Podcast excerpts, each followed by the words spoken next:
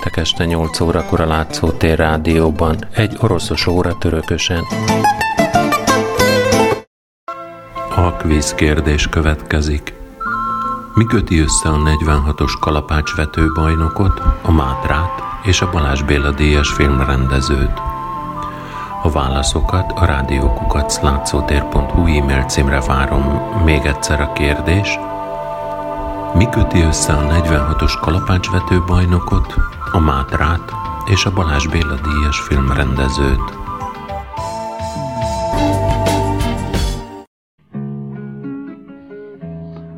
Быть бы мне поспокойней, Не казаться, а быть. Здесь мосты, словно кони, По ночам на дыбы. Здесь всегда по квадрату На рассвете полки От Синода к Сенату Как четыре строки. Alexander Galics, Bulat Okudzsava és Vladimir Vysotsky alkotják a szovjet korszak nagy bárd trióját. Az oroszok az úgynevezett szerzői dalok költő énekeseit nevezik bárdoknak, kiemelve őket az orosz népszerű énekesek sokaságából. Mindnyájan más mértékben és formában elfogadták azt a kelet-európai irodalomra jellemző szerepet, amely más megnyilvánulási forma hiány a művész vállára helyezi a társadalmi bajok kimondásának keresztjét. A szerzői dal műfaja az 50-es években jelent meg. A dalát maga éneklő szerző saját fizikai jelenlétével hitelesíti a költészet jelenlétét, a többféle érzékekre ható ének, szöveg és látvány segítségével katartikus színházi élménybe vonja be a hallgatót, és a szovjet viszonyok között a szó szoros értelmében a bőrét viszi a vásárra, hiszen ezek a koncertek a legritkább esetben voltak engedélyezett események. Illegálisan terjesztett magnófelvételek ezrei jöttek létre. A magnetizdát behálózta az országot. A szerzői dalhoz hozzátartozik az előadás egyszerisége is, mert a városi folklórnak ezek a darabjai alkalmanként változhattak, szövegük, dallamuk, de még az összekötő szöveg és a bevezető más és más szavainak kontextusa is új tartalmi és formai elemet jelenthettek. Ugyanígy változhattak a címek is. Ezek szinte népköltészeti sokféleségben jelentkeztek, nem kis gondot okozva a szövegvariánsok összehasonlítóinak és összegyűjtőinek. себя объявить в отъезде, Зачем же потом случилось, Что меркнет копейкой ржавой Всей славы моей Лучинность Пред солнечной ихней славой Болят к непогоде раны, Уныло проходят годы. Но я же кричал тираны И славил зарю свободы. Alexander Arkadjevich Galics eredeti születési vezetékneve Ginsburg volt. 1918-ban született. A Galics szerzői álnév konstrukció, amiben a G a Ginsburgból származik, az Al az Alexanderból, az Ics pedig az apai név végéből. Galics apja Aaron Samoilovics Ginsburg közgazdász volt. Anyja adminisztrátorként dolgozott a konzervatóriumban. Nagyapja gyermekgyógyász, nagybátyja irodalomkutató, öccse pedig operatőr volt.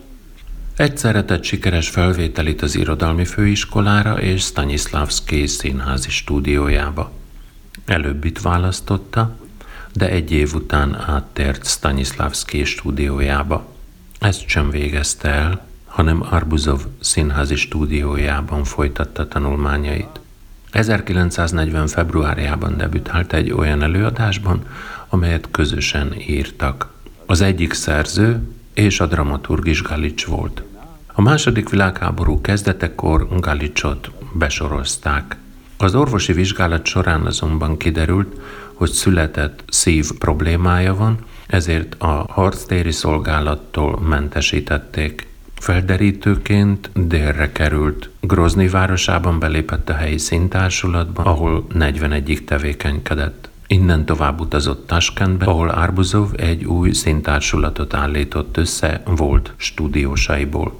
Első verseit Bagricki fedezte fel a 30-as évek elején.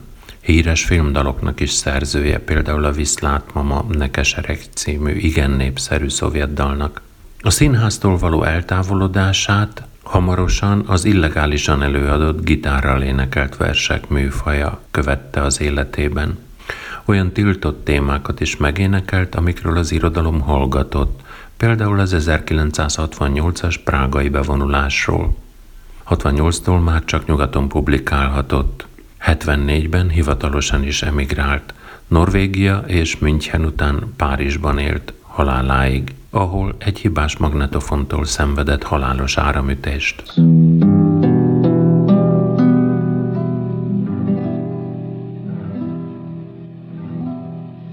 Когда я вернусь, ты не смейся, когда я вернусь, Когда пробегу, не касаясь земли, По февральскому снегу, По еле заметному следу К теплу и ночлегу, И, вздрогнув от счастья, На птичий твой зов оглянусь, Когда я вернусь.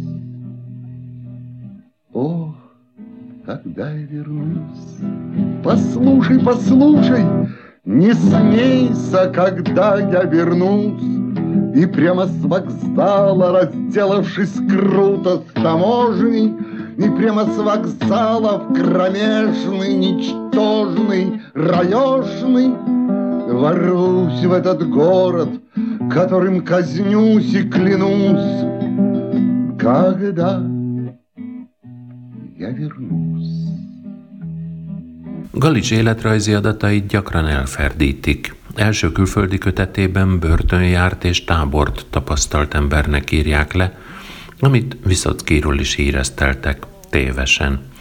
Mindkettejükről műveikből ítéltek, azonosítva a dalok elbeszélőjét az írójával.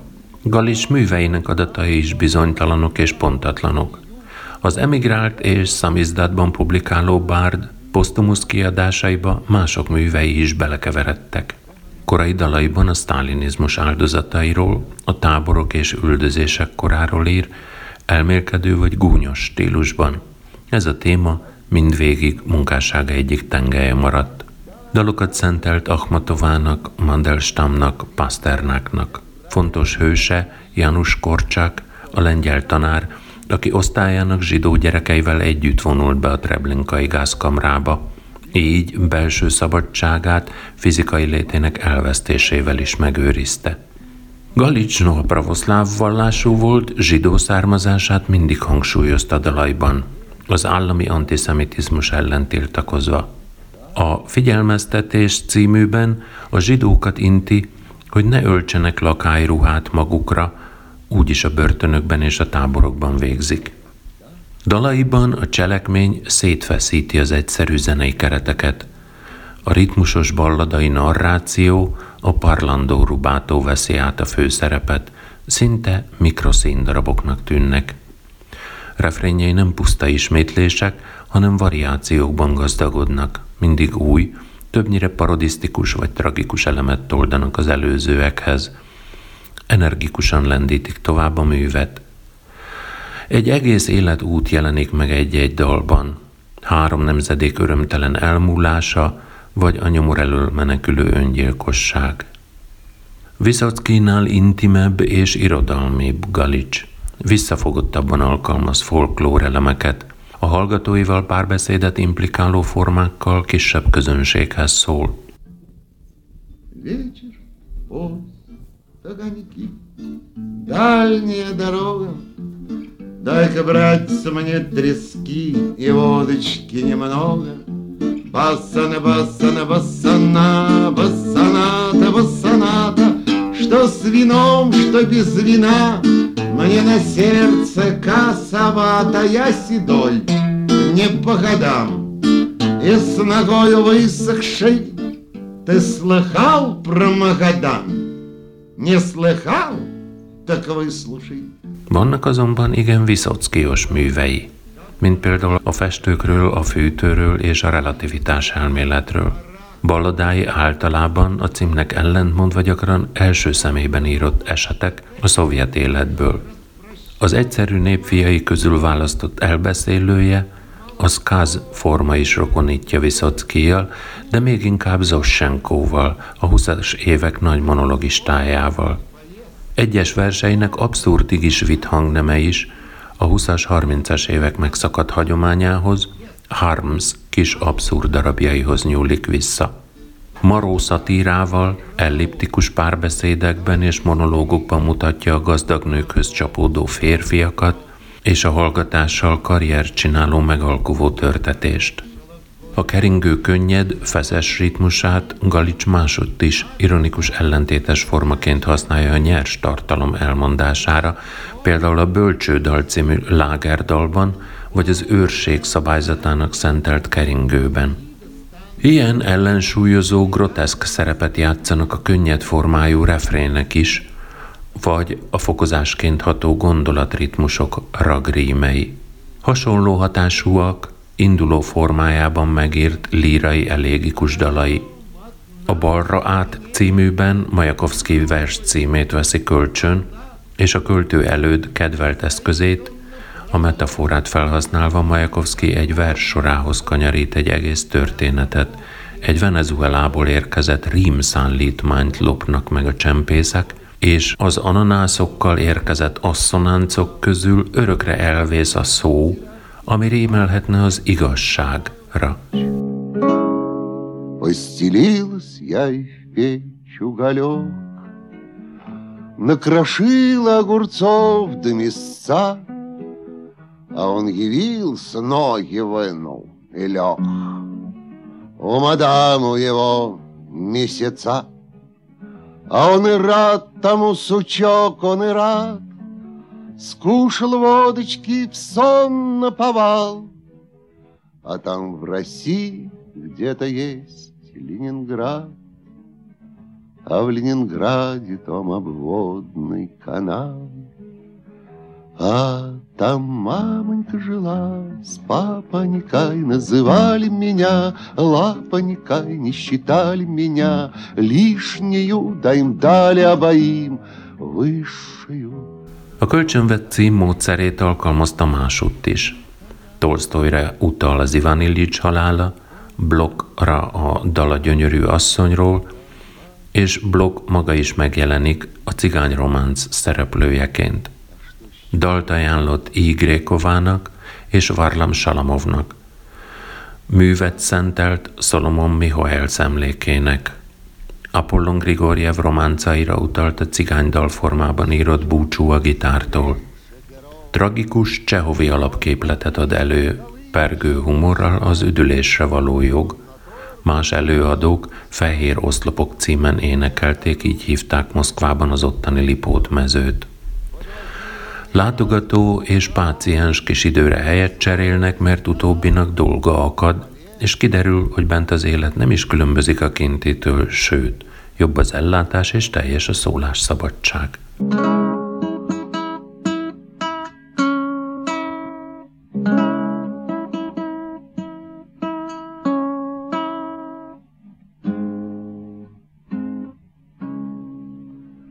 Мы похоронены где-то под Нарвой, под Нарвой, Под Нарвой. Мы похоронены где-то под Нарвой, мы были и нет. Так и лежим, как шагали попарно, попарно, попарно. Так и лежим, как шагали попарно, и общий привет, и не тревожит ни враг, ни побудка, побудка, побудка. И не тревожит ни враг, ни побудка померзших ребят. Только однажды мы слышим, как будто, как будто, как будто. Только однажды мы слышим, как будто вновь трубы трубят. Az emigráció nem csak nyelvétől, közönségétől is elszakította. Ezt énekelte meg a Fehér ló alacsony felhők című versben. Elégikus verseiben a felhők állandó metaforái, a piszkos lenti világtól független, szabad élet allegóriájává nőnek. Távoli tájakra úszva emlékekkel kötnek össze, a táborairól hírhet Zord Kolimával, és meditálásra kényszerítenek. A felhőkben ez a fenkölt, kozmikus irodalmi kép úgy épül be a volt lágerfogoly monológiába, hogy versszakonként váltakozva ékelődik a stilisztikailag ellentétes börtönzsargon nyers nyelvi rétegébe. Diszonáns kölcsön hatásaikban a költői kép illúziója megtörik, a kegyetlen valóság emlékkész elidül. Erre a versére utal vissza öniróniával a vendégség után. A háziasszony lejátsza a későig nála maradottaknak ezt a dalt, és amikor valaki megjegyzi, hogy túl merész a szerző, a tűzzel játszik, a háziasszony legyint, hiszen már több mint száz éve halott. Galics 74-ben a Főpróba címmel könyvet írt arról, hogyan tiltották be egy moszkvai börtön nevét viselő, a Matroszkaje Csisinát című színdarabot. A társszerzőségben írt és rendezett műszövegét Arbuzov saját neve alatt publikálta 56-ban. A könyv a szovjet színházi élet és bürokrácia leleplező rajza. Ваше благородие, госпожа разлука, Мне с тобою холодно, вот какая штука. Письмецо в конверте, погоди, не рви, Не везет мне в смерти, повезет в любви. Письмецо в конверте, погоди, не рви, Не везет мне в смерти, повезет в любви.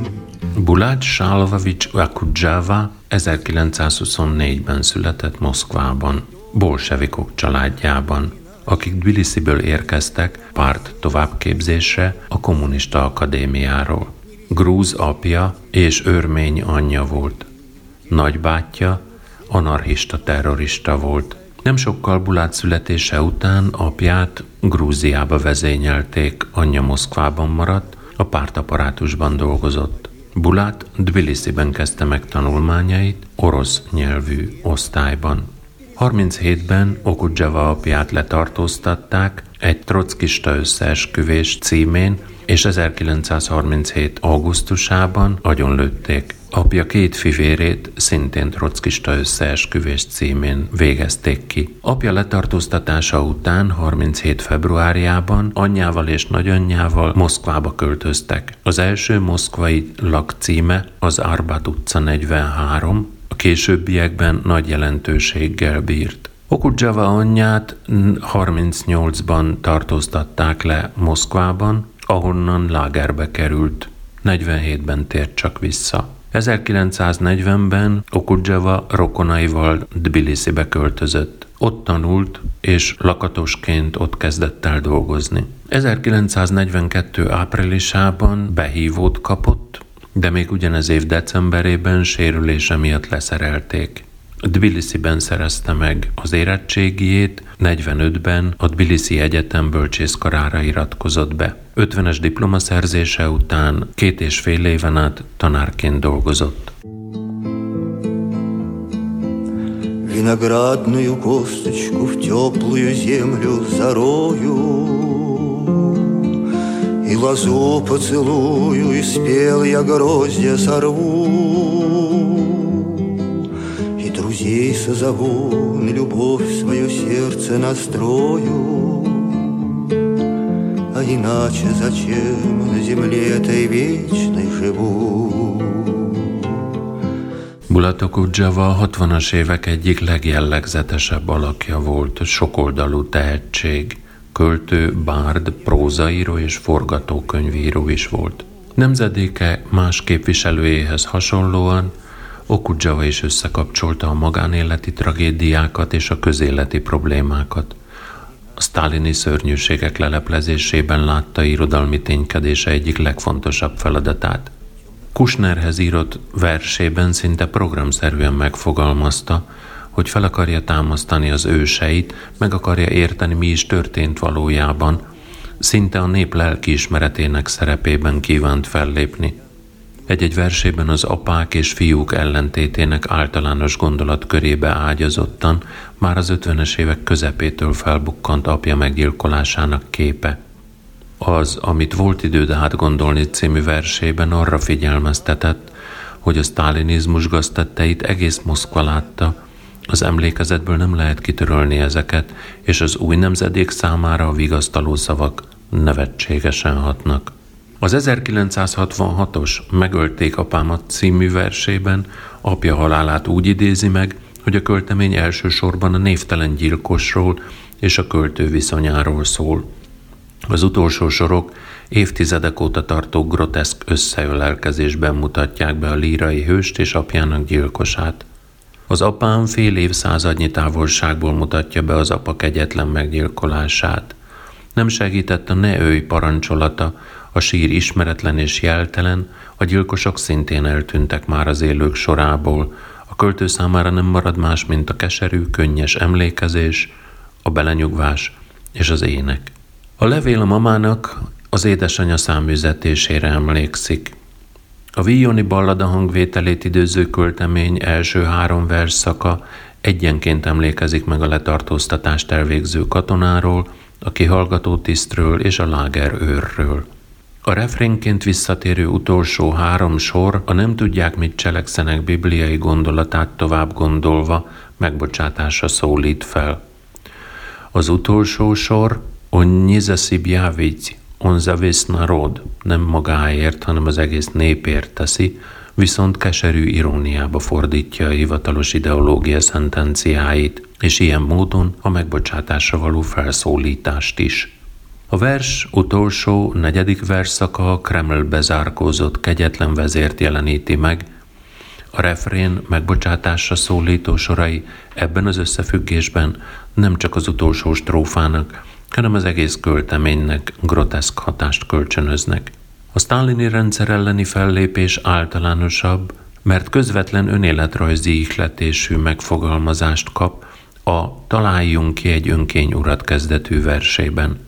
A köznapi beszéd intonációját idéző költemény többes szám első szemében szóló lírai hőse arra szólít fel, hogy alkossunk meg közösen egy saját despotát. A despota képe kísérteties Stalin portrénak hat.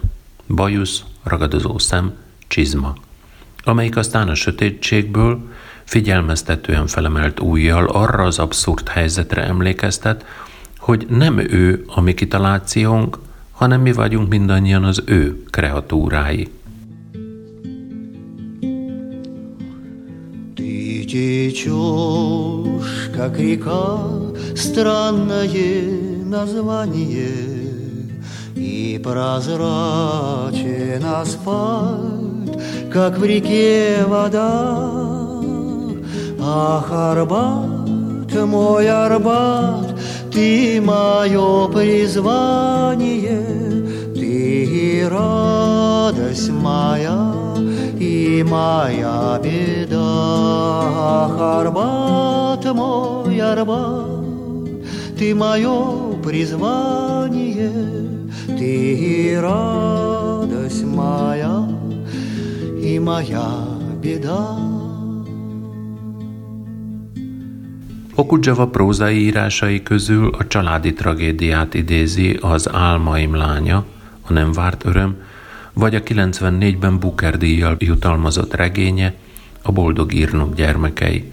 Ezeknek a hagyományos elbeszélői technikával készült, előbb a 60-as években megjelent, majd a 80-as évek második felében a hivatalos politika által meghirdetett glasnost jegyében született leleplező irodalom sorába tartozó műveknek esztétikai értéke meglehetősen csekély, önismétlővé válnak, és messze elmaradnak a lírai alkotások színvonalától. A családi tragédia ellenére a fiatal Okudzsava őszintén hitt a második világháború idején a Szovjetunióban elterjedt háborús propagandában. Romantikusnak mondható hazafias érzelmektől fűtötten Okudzsava 18 évesen egyenesen az iskolapadból önkéntesen indult a frontra, hogy harcoljon a német fasiszták ellen, a fronton azonban hamarosan kiderült, hogy a háború közel sem felel meg a romantikus elképzeléseinek. Sebesülése és a szinte csodával határos módon történő megmenekülése a haláltól, mint a hatvanasok nemzedékében többeknek, egész életre szóló élménnyel szolgált. Okudzsava másként írt a háborúról, mint a kortársai, és másként, mint ahogyan a hivatalos irodalompolitika elvárta volna. Mégiscsak fogságban maradt. Néhány mozzanat a szovjet háborús tematikán belül érdekesebbé teszi Okudzsava ilyen tárgyú írásait. Háborús témájú művei közül igen népszerűvé vált a sok szerencsét pajtás, amiben Okudzsava egy szembesíti a fronton szerzett tapasztalatait korábbi elképzeléseivel, és mindenek előtt a kettő közötti hatalmas szakadékra derül fény. Ez a kisregény egyes szám első személyű, nyilvánvalóan önéletrajzi fogantatású. Elbeszélője számára a háború a felnőtté válás kegyetlen iskolája. A gyermeki naivitás teljes eltűnésének a színtere. Zöldfülű iskolásból felnőtt férfi válik. Ennek a folyamatnak az ábrázolása a kisregényben Tolstoy önéletrajzi trilógiája kettős láttatásának, az eseményeket átélő gyermek, majd ifjú, illetve a visszaemlékező felnőtt szemszögének érvényesítésével történik. Szintén Tolstoyt idézi az aprólékos lélekábrázolás is, ami éppen a kettős nézőpontnak köszönhetően valósulhatott meg. Az önéletrajzi hős közben nevetésre és sírásra egyaránt alkalmat adó események sorát éli át, mint amilyen a benzines laggal kiszívott bortól való lerészegedés.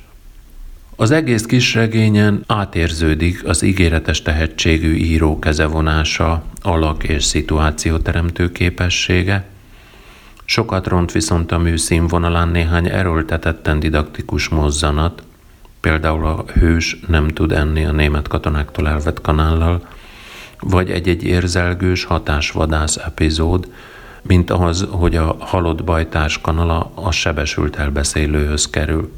Ebből a kis regényből Motillal közös társszerzőségben 67-ben Zsenya, Zsenyecska és a Katyusa címmel forgatókönyv is készült.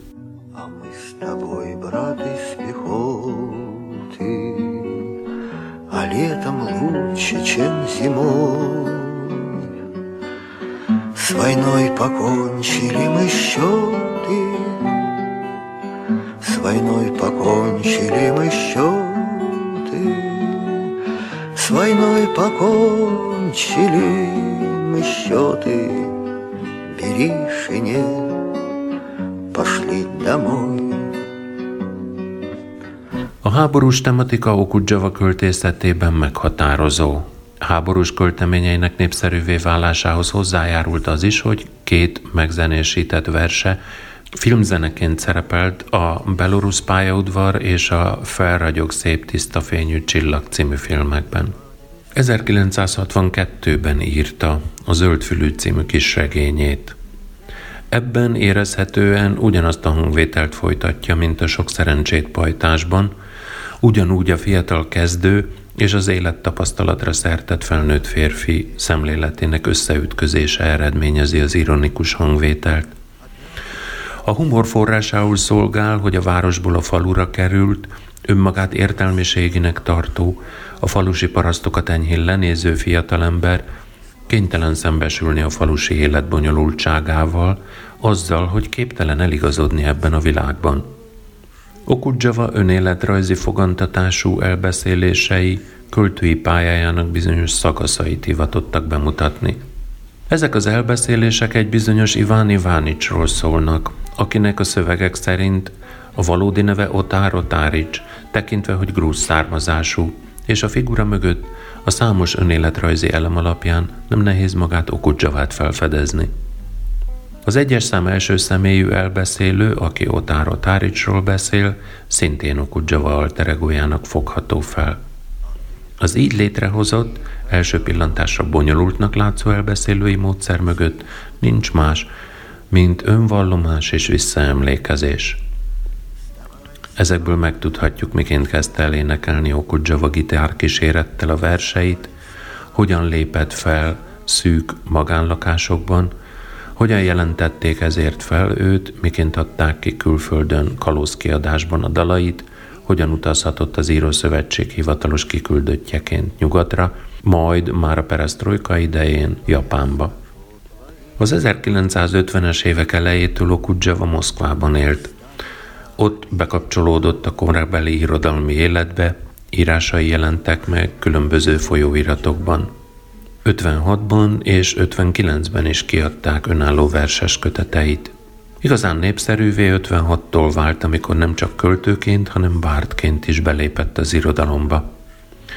Megzenésített, gitárkísérettel előadott verseit az egész művelt orosz világ ismerte és énekelte. Olyasmit talált bennük, amit a sztálini időkben elképzelhetetlen volt, ideologizmusmentes költészetet. Okudzsava jellegzetes műfaja ebből az időből a pészenka, dalocska, amelyben a városi folklór, a ballada, az elégia műfajai egyesülnek. Jellemző erre a műfajra a zeneiség, az énekelhetőség, a könnyedség. Alapvető témái a szerelem, a nagyváros, a kisember hétköznapi érzései és élményei. Ezek a versei a tűrés határon belül maradtak. A dalai soha nem keltettek olyasféle botrányokat, mint Viszockiéi. Az ének az Árbátról versel kezdődően Okudzsava költészetének visszatérő motívuma az Árbát, Moszkva történelmi belvárosának költői képe. Az Árbát nem csak lakóhely, ahol 40-ig Okudzsava lakott, hanem olyan önálló, intim világ is, ahol a lírai hős otthon érezheti magát. Ebben a szuverén világban örök emberi értékek uralkodnak, amelyek nem rendelődnek alá semmiféle politikai hatalomnak, egyszerűen csak vannak. Az ének az Árbátról refrénként visszatérő és variálódó soraiban az Árbát hol a lírai hős elkötelezettsége, hol vallása, hol pedig szülőföldje. Az Árbát nem pusztán a város része, hanem élő érző jelenség, belső tér, sors, költészet – az Árbat volt a helyszíne az apja letartóztatásának, innen indultak a háborúba a fiatalok, az Árbat volt a szintere az első barátságoknak és szerelmeknek, a költői lét kibontakozásának. Az Árbat költészetet dalt ihlet. Давайте восклицать друг другом, восхищаться. Высокопарных слов не надо опасаться. Давайте говорить друг другу комплименты. Ведь это все любви, счастливые моменты Давайте горевать и плакать откровенно, То вместе, то поврось, а то попеременно. Не будем придавать значения злословию, Поскольку грусть всегда соседствует с любовью. Давайте понимать друг друга с полуслова, Чтоб ошибившись раз, не ошибиться снова. Давайте жить во всем, друг другу потакая. Тем более, что жизнь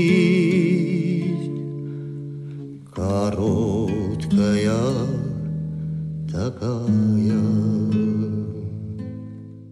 Okudzsava költészetében a zene nem csak kísérőforma, hanem gyakran a témája is a zene, a megbomlott harmónia helyreállításának lehetősége.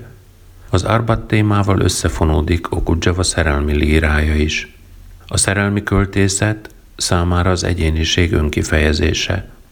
A szerelemben mutatkozik meg leginkább az ember önálló személyisége. A szeretet nő ebben az esetben az Alexander Blocki értelemben vett szépséges hölgyként, örök asszonyként, a világot harmonikussá rendező elfként jelenik meg. Az Árbat téma jelentőségét mutatja, hogy egy hosszabb hallgatást követő időszak után 1976-ban Árbát az én Árbátom címmel jelentkezett újra kötettel. Összegző jellegű kötetének pedig a Teázás az Árbaton címet adta. A 60-as évek végétől publikálta azokat a történelmi regényeit, amelyek nagy népszerűségre tettek szert nem csak a Szovjetunióban, hanem Magyarországon is. Okudzsava történelmi regényeit a korabeli kritika nagyon ellentmondásosan fogadta. Volt, aki a történelmi regény megújítását, volt, aki a történelmietlenséget látta bennük. A történelmietlenség vágyára verssel válaszolt történelmi regényt írok, amelyben a szerzői szabadságot hirdeti a történelmi anyag felhasználásában is. Az 1825-ös dekabrista felkelésről regénytrilógiát írt. A találkozás Bonapartéval, a dekabrista felkelés előzményével, a 12-es napóleoni hadjárattal foglalkozik.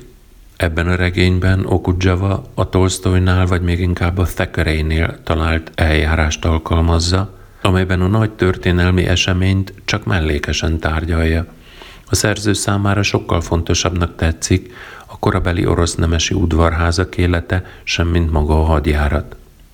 A szegény Avrasimov című regény már szorosabban kötődik a dekabrista felkeléshez. A regény főhőse írnokként dolgozik a dekabristák kihallgatásán, miközben szörnyülködve hallgatja a birodalom árulóinak vallomásait. Pesztyelnek az egyik legtehetségesebb dekabristának hatása alá kerül. A kezdetben ördögi praktikának felfogott hatás egyre inkább szimpátiává válik. Az állami gépezetben egyéniségét vesztett írnok mind jobban felfogja Pesztyel szellemi és erkölcsi nagyságát annyira, hogy hajlandó szerepet vállalni a felkelő megszöktetésében is. A könyv eredeti címében szereplő korty szabadság azonban nagyon is rövid idejűnek bizonyult. Avrosimovot vidéki birtokára száműzik vakmerő tettéért. A szegény Avrosimov végén felbukkan egy Miatlev nevű férfi és egy Lavinia nevű nő, akik a Dilettánsok utazása című regényben a meglehetősen kalandos szerelmi történet főszereplői lesznek. A regény egy párbaj utáni jelenettel indul, a cselekményvezetés in medias res történik, a párbajhoz vezető út feltárásával. A párbaj motivuma nem csupán a korrajz tartozéka, hanem fontos irodalmi utalás is. Miatlev ugyanis nem más, mint Lermontov barátja, aki szemtanúja volt a költő halálos kimenetelő párbajának, és Miatlev a regény folyamán megírja emlékiratait Lermontovról, ugyanúgy, mint ahogyan Lermontov is megírta híres versét Puskin párbajáról. Ráadásul a regény kezdetét jelentő párbaj azért zajlott le, mert az uralkodó köréhez tartozó lovastiszt tiszteletlenül beszélt Laviniáról, ami egyértelmű utalás a Puskin-Goncsarova Dantes viszonyra. Az 1971-es Merci, avagy Sipov kalandjaid szintén történelmi regény. A fergeteges bohózattá kerekedő cselekmény azt mutatja be, hogyan számol be Sipov, ez a szélhámos rendőrkopó egy nem létező, Tolstoy gróf vezetésével Jasznaja Poljanában szerveződő összeesküvésről. A fantasztikus méreteket öltő besúgó rendszer kiépülése, a képtelen feljelentések, a képtelenségek komolyan vétele, a felső állami vezetés részéről mind-mind olyan tényezők, amelyek mögött nem nehéz felfedezni a sztálini rendszert. A 80-as évek második felétől kezdődően Okudzsava lírájában érezhetően hangnemváltás következett be. Az addigi melankolikus zenei, énekelhető versei helyébe szinte prózaként ható költemények léptek. Stilisztikai és formai egyszerűségük mellett felfedezhető bennük az összegző szándék. a számadás elkészítése, a bűn, a felelősségvállalás és a halálra készülődés témája. Összegző verses kötetében, a 96-os tejázás az Árbatonban, Okudzsava úgy válogatta évtizedekre lebontva a verseket, hogy az újabb termés mellett közölte az ennek a filozofikusabb hangvételnek megfelelő korábbi költeményeket is.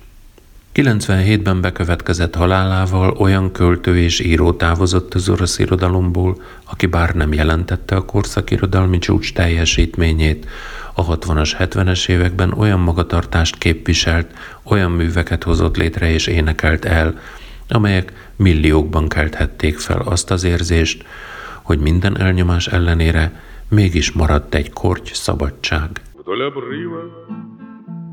Понад пропастью по самому по краю Я коней своих нагайкою стигаю Погоняю что-то воздуху мне мало Ветер пью, туман глотаю Чую с гибельным восторгом.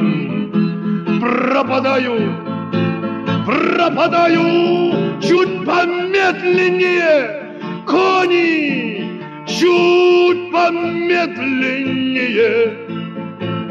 Умоляю вас, скач, не лететь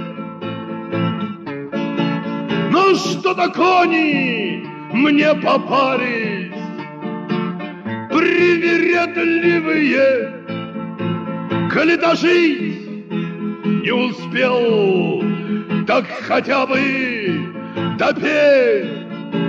И я коней напою И я куплет допою. Хоть мгновение еще постою на краю.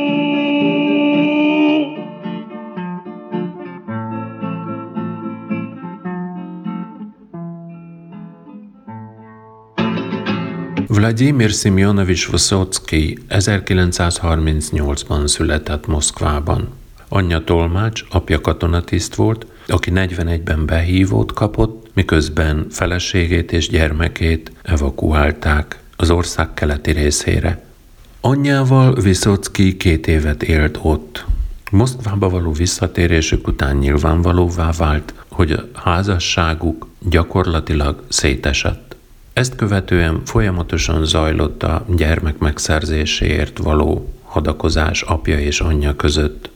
Apjához került végül, ahol szerető családra lelt apja második feleségével, és követte apját, ahová vezényelték, többek között Németországba is, ahol egészen tűrhetően megtanult kisgyerekként németül. Не страшны дурные вести Начинаем бег на месте Выигрыши даже начинающий Красота! Среди бегущих первых нет И отстающих бег на месте Общепримиряющий 56 és 60 között a Moszkvai Művész Színház a MHAT színészképzőjében tanult. Innen jutott egyenesen a Taganka Színházba 64-ben, amelynek nagy korszaka zárult le Viszocki halálával. Színházi szerepei közül kiemelkedett a Farmerben játszott Hamlet, ezt az előadást a budapestiek is láthatták. Színészként is, filmszínészként is eszköztelen volt. 26 filmben játszott. A harmadik feleségével, a lengyel származású párizsi színésznővel Marina Vladival együtt szerepelt néhány magyar filmben is. Marina Vladinak köszönhető, hogy gyakran utazhatott külföldre. Többször járt Franciaországban, 79-ben az USA-ban turnézott.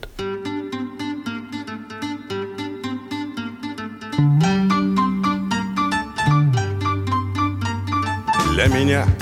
Это ночь вне закона. Я пишу по ночам больше тем. Я хватаюсь за диск телефона И набираю вечное 07 Девушка, здравствуйте, как вас звать? Дома. Семьдесят вторая. Жду, дыхание затая. Быть не может, повторите, я уверен, дома А вот уже ответили, ну здравствуй, это я. Это ночь для меня вне закона. Я не сплю, я кричу поскорей.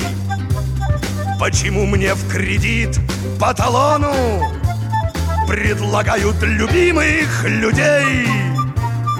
Девушка, слушайте, 72-я Не могу дождаться, и часы мои стоят К дьяволу все линии, я завтра улетаю А вот уже ответили, ну здравствуй, это я Színházi játékában elsősorban a saját egyéniségét vetítette rá a szerepeire.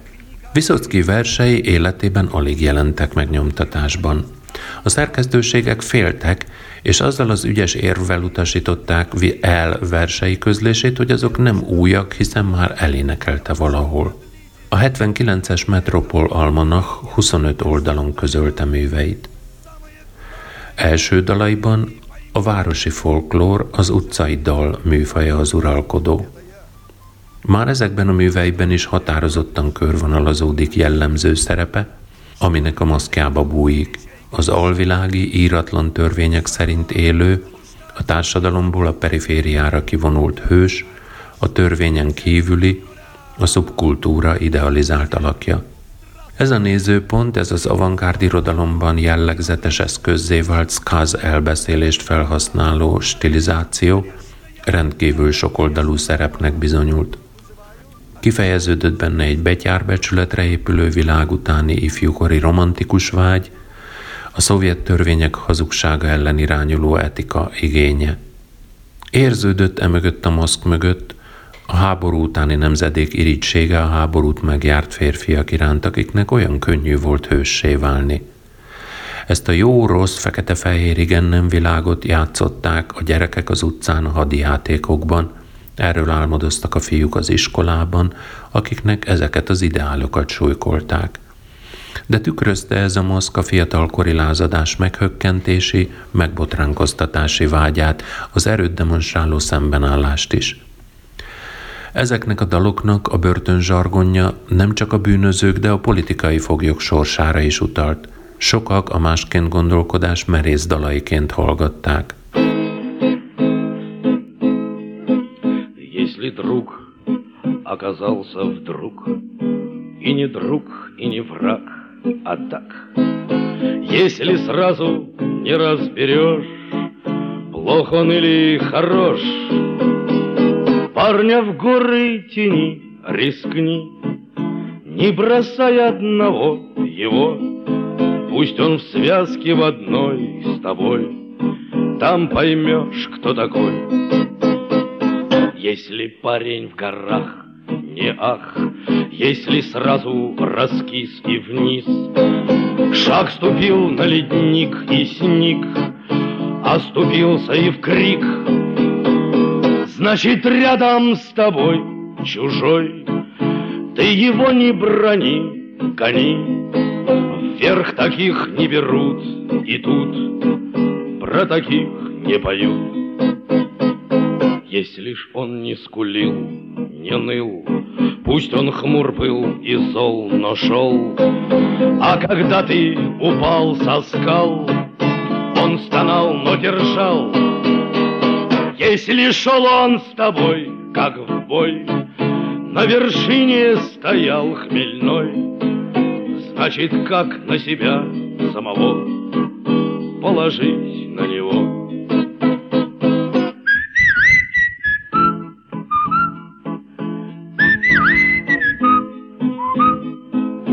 Значит, как на себя самого Положить на него.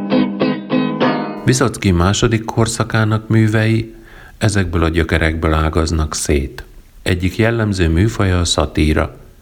A tévé előtt beszélgető házas pár dialógusából a szovjet kisember valamennyi torzulása kitűnik. A nyomor szülte irigység, a tudatlanság, az idegen gyűlölet, az alkoholizmus, a család szétesése. Viktor Sklovsky mondta Viszockiról, hogy az embereknek, akik az ő dalait hallgatják, eszükbe jut, hogy emberek. Jelentősek a háborús témhájú dalok. Ezek közül néhány a Szent Háború kultuszának köszönhetően lemezen is megjelenhetett, igaz meglehetősen kommersz, esztrát kísérettel. A lírai hős megmérettetése nem csak háborúban, hanem hegymászás közben, hófúvásban vagy viharos tengeren is történhet. A hősiesség férfiasan kérlelhetetlen elveiben Viszockinál gyermeki tisztaság, ifjonti romantika és tíz parancsolati szigorúság keverednek. Harmadik korszakának érett költészete mutatja meg azt a paradoxont, hogy a szívinfarktusban fiatalon elhunyt költő lényegében bevégezte életművét. A lázadás motívuma itt már allegorikussá vált. Dalainak hősei, a kötéltáncos, a bekerített farkas, a balláb helyett csak azért is jobban ugró atléta és a többitől eltérő járású ló a másságukkal tüntetnek. A leginkább marginális társadalmi szerep a lágereket megjárt fogójé. És ez a tabu téma a köztörvényesek sorsán keresztül a politikai foglyokét is jelzi. A sztálini korszakkal az izzíst fehérre a fürdőt megrendítő, szaggatott, lassú soraiban számolt le. A szakadéknak vágtató lovakat és a kocsisukat megéneklő Kényes lovak című dalban a hallgatók a Brezsnyev korszak allegóriáját látták, az étakorét, amely már csak halálba vezethet. A halál személyes motivuma is megjelenik a 40 éves költő műveiben. Utolsó versében búcsúzik. Van mit eldalolnom, ha mindenható elé állok, van mivel igazoljam magam előtte. Сон мне желтые огни И хриплю во сне я По времени, по времени Утро мудренее Но и утром Все не так, нет того веселья. Хоп, Или куришь натощак Или пьешь с похмелья. Да и эх раз, да и еще раз Да еще много-много-много Много раз Да еще раз Еще много-много раз Majakovszki jelenség volt. Versei közéletisége, az utcanyelvi lexika és fonetika költészetbe emelése, az epikus jelleg, a versformák, a rímek megválasztása rokonná teszi őket. Mindketten szerették a nyilvánosságot, a tömegek elismerését és a néptribuni szerepet, mégis magányosak maradtak. Talán a halálok utáni sorsukban is van valami közös. A hivatalos elismerés Viszocki esetében is már a halott, tehát a jó magaviseletű költőnek szólt. A róla kialakított képet mindenki a maga hasznára igyekezett formálni. A kultusza elkezdett többet ártani, mint használni a megítélésének. Viszocki durván férfias imidzse egy szeretetéhes lélek álcázása, sőt önbecsapása volt – nem tisztelte a tabukat, nem akart hivatalos elismerést, szeretett meghökkentően és látványosan élni. Plegykák és legendák vették körül és keserítették mindennapjait. Az alkohol és kábítószer, akár orosz népbetegség, akár értelmiségi önajzás, egyrészt feledést, a földi mocsoktól elszakító mámort, másrészt művészi szárnyalást hoztak számára, és egyben alásták egészségét. Fatalista volt, mint egyik dalában a fátum dátumokban is megénekelte. 26 évesen került a Tagankára, és egy 64-es öngyilkossági kísérlet után 33 évesen játszotta el a Hamletet. A 37 éves életkor végzetét irodalmi elődjeinek párhuzamában látta. Puskin, Majakovszki, Byron és Rambo mind ennyi idősen haltak meg, és mind tragikus körülmények között. 1975-ben kiderült, az is aggasztotta, hogy költői vénája elapadt. Egy Vilniuszi turné alkalmával egy hosszú alkoholmámoros periódus után kórházba került, ahol bevartak bőre alá egy időzített bombát, amely az alkohol hatására rosszul létett, sőt, halált is okozhatott. Здесь лапы у елей дрожат на весу. Здесь птицы щебечут тревожно. Живешь в заколдованном диком лесу, Откуда уйти невозможно.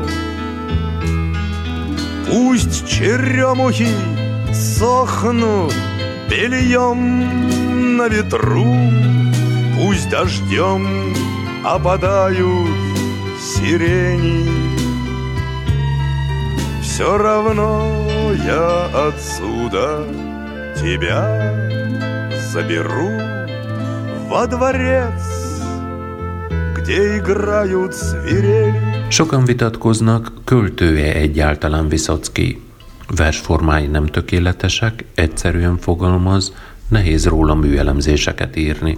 Gitárja inkább ritmusokat játszik, mint dallamot. Az énekes reket hangjának varázsát nem az iskolázatlanság, hanem az érzelmek és egyéni hanghordozás adja. Probléma érzékenysége és hangvétel alapján a 60-as, 70-es évek próza vonulatában Suksinhoz közel helyezhető el. Rengeteg aktuális témát dolgozott fel. A krumpliszedésre irányított tudományos kutatókról, a Bermuda háromszög rejtéjéről, az egészséges életmód divatjáról énekelt. A mindenki mást hülyének néző örök kispolgár, az emigránsok, a zárt üzletek, a valutásboltok mind-mind belefértek a 700-nál is több verset számláló életműbe. Művei a magnetizdát, a magnetofonnal terjesztett szamizdat útján bejárták az egész országot. Lakásokat, kollégiumokat, munkásszállókat. Alkalmi és félhivatalos koncertjeit a legkülönbözőbb helyeken, konyhákban, stadionokban, ipartelepeken tartotta. Életműve enciklopédikusan sokrétű. Nagy íve a kabarészerűen lapos vicces dalocskáktól a sztálinizmus bírálatáig az orosz életet gyökerében megragadó politikai tabukat semmibe vevő megrendítő balladákig terjed. A műfai skála a balladákon kívül mesék és meseparódiák, himnuszok, szatirikus dalok, indulók, sanzonok gazdag sorát vonultatják fel. Viszocki vendégszövegeket is alkalmazott a legkülönbözőbb módon – leggyakrabban idézett részleteket ékel az egyszerűbb beszélő szövegébe, amolyan iskolai kötelező olvasmányokat, ahol az idézet így értelmét veszti, és a komikum eszköze lesz. Az élet színház, mondta Shakespeare. Én csak a jellemző szerepeket látom. Ez gazember, az csaló, amaz vámpír, és kész.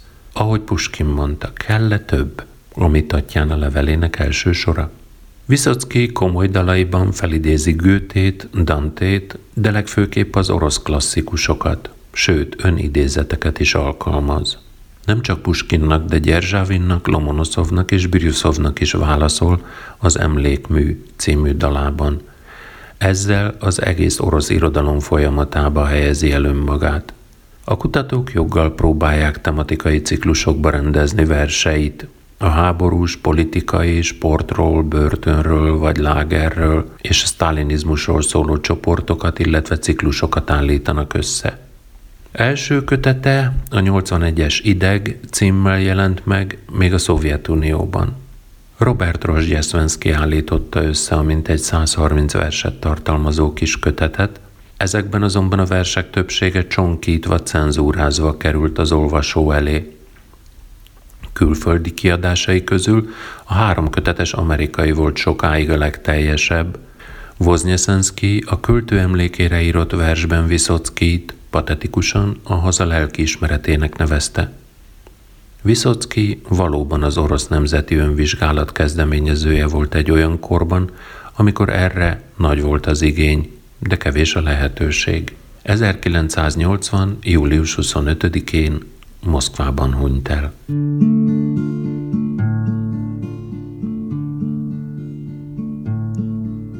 Мне нравится, что вы больны не мной. Мне нравится, что я больна не вами, Что никогда тяжелый шар земной Не уплывет под нашими ногами.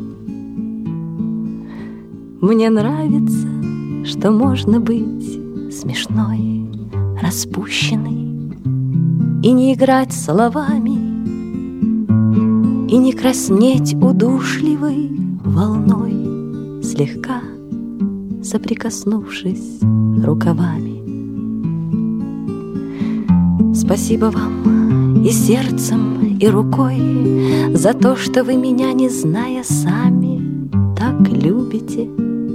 Köszönöm, hogy velem tartottatok a bárdok megismerésében.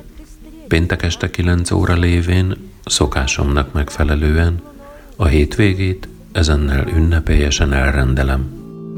За то, что вы больны, увы, не мной.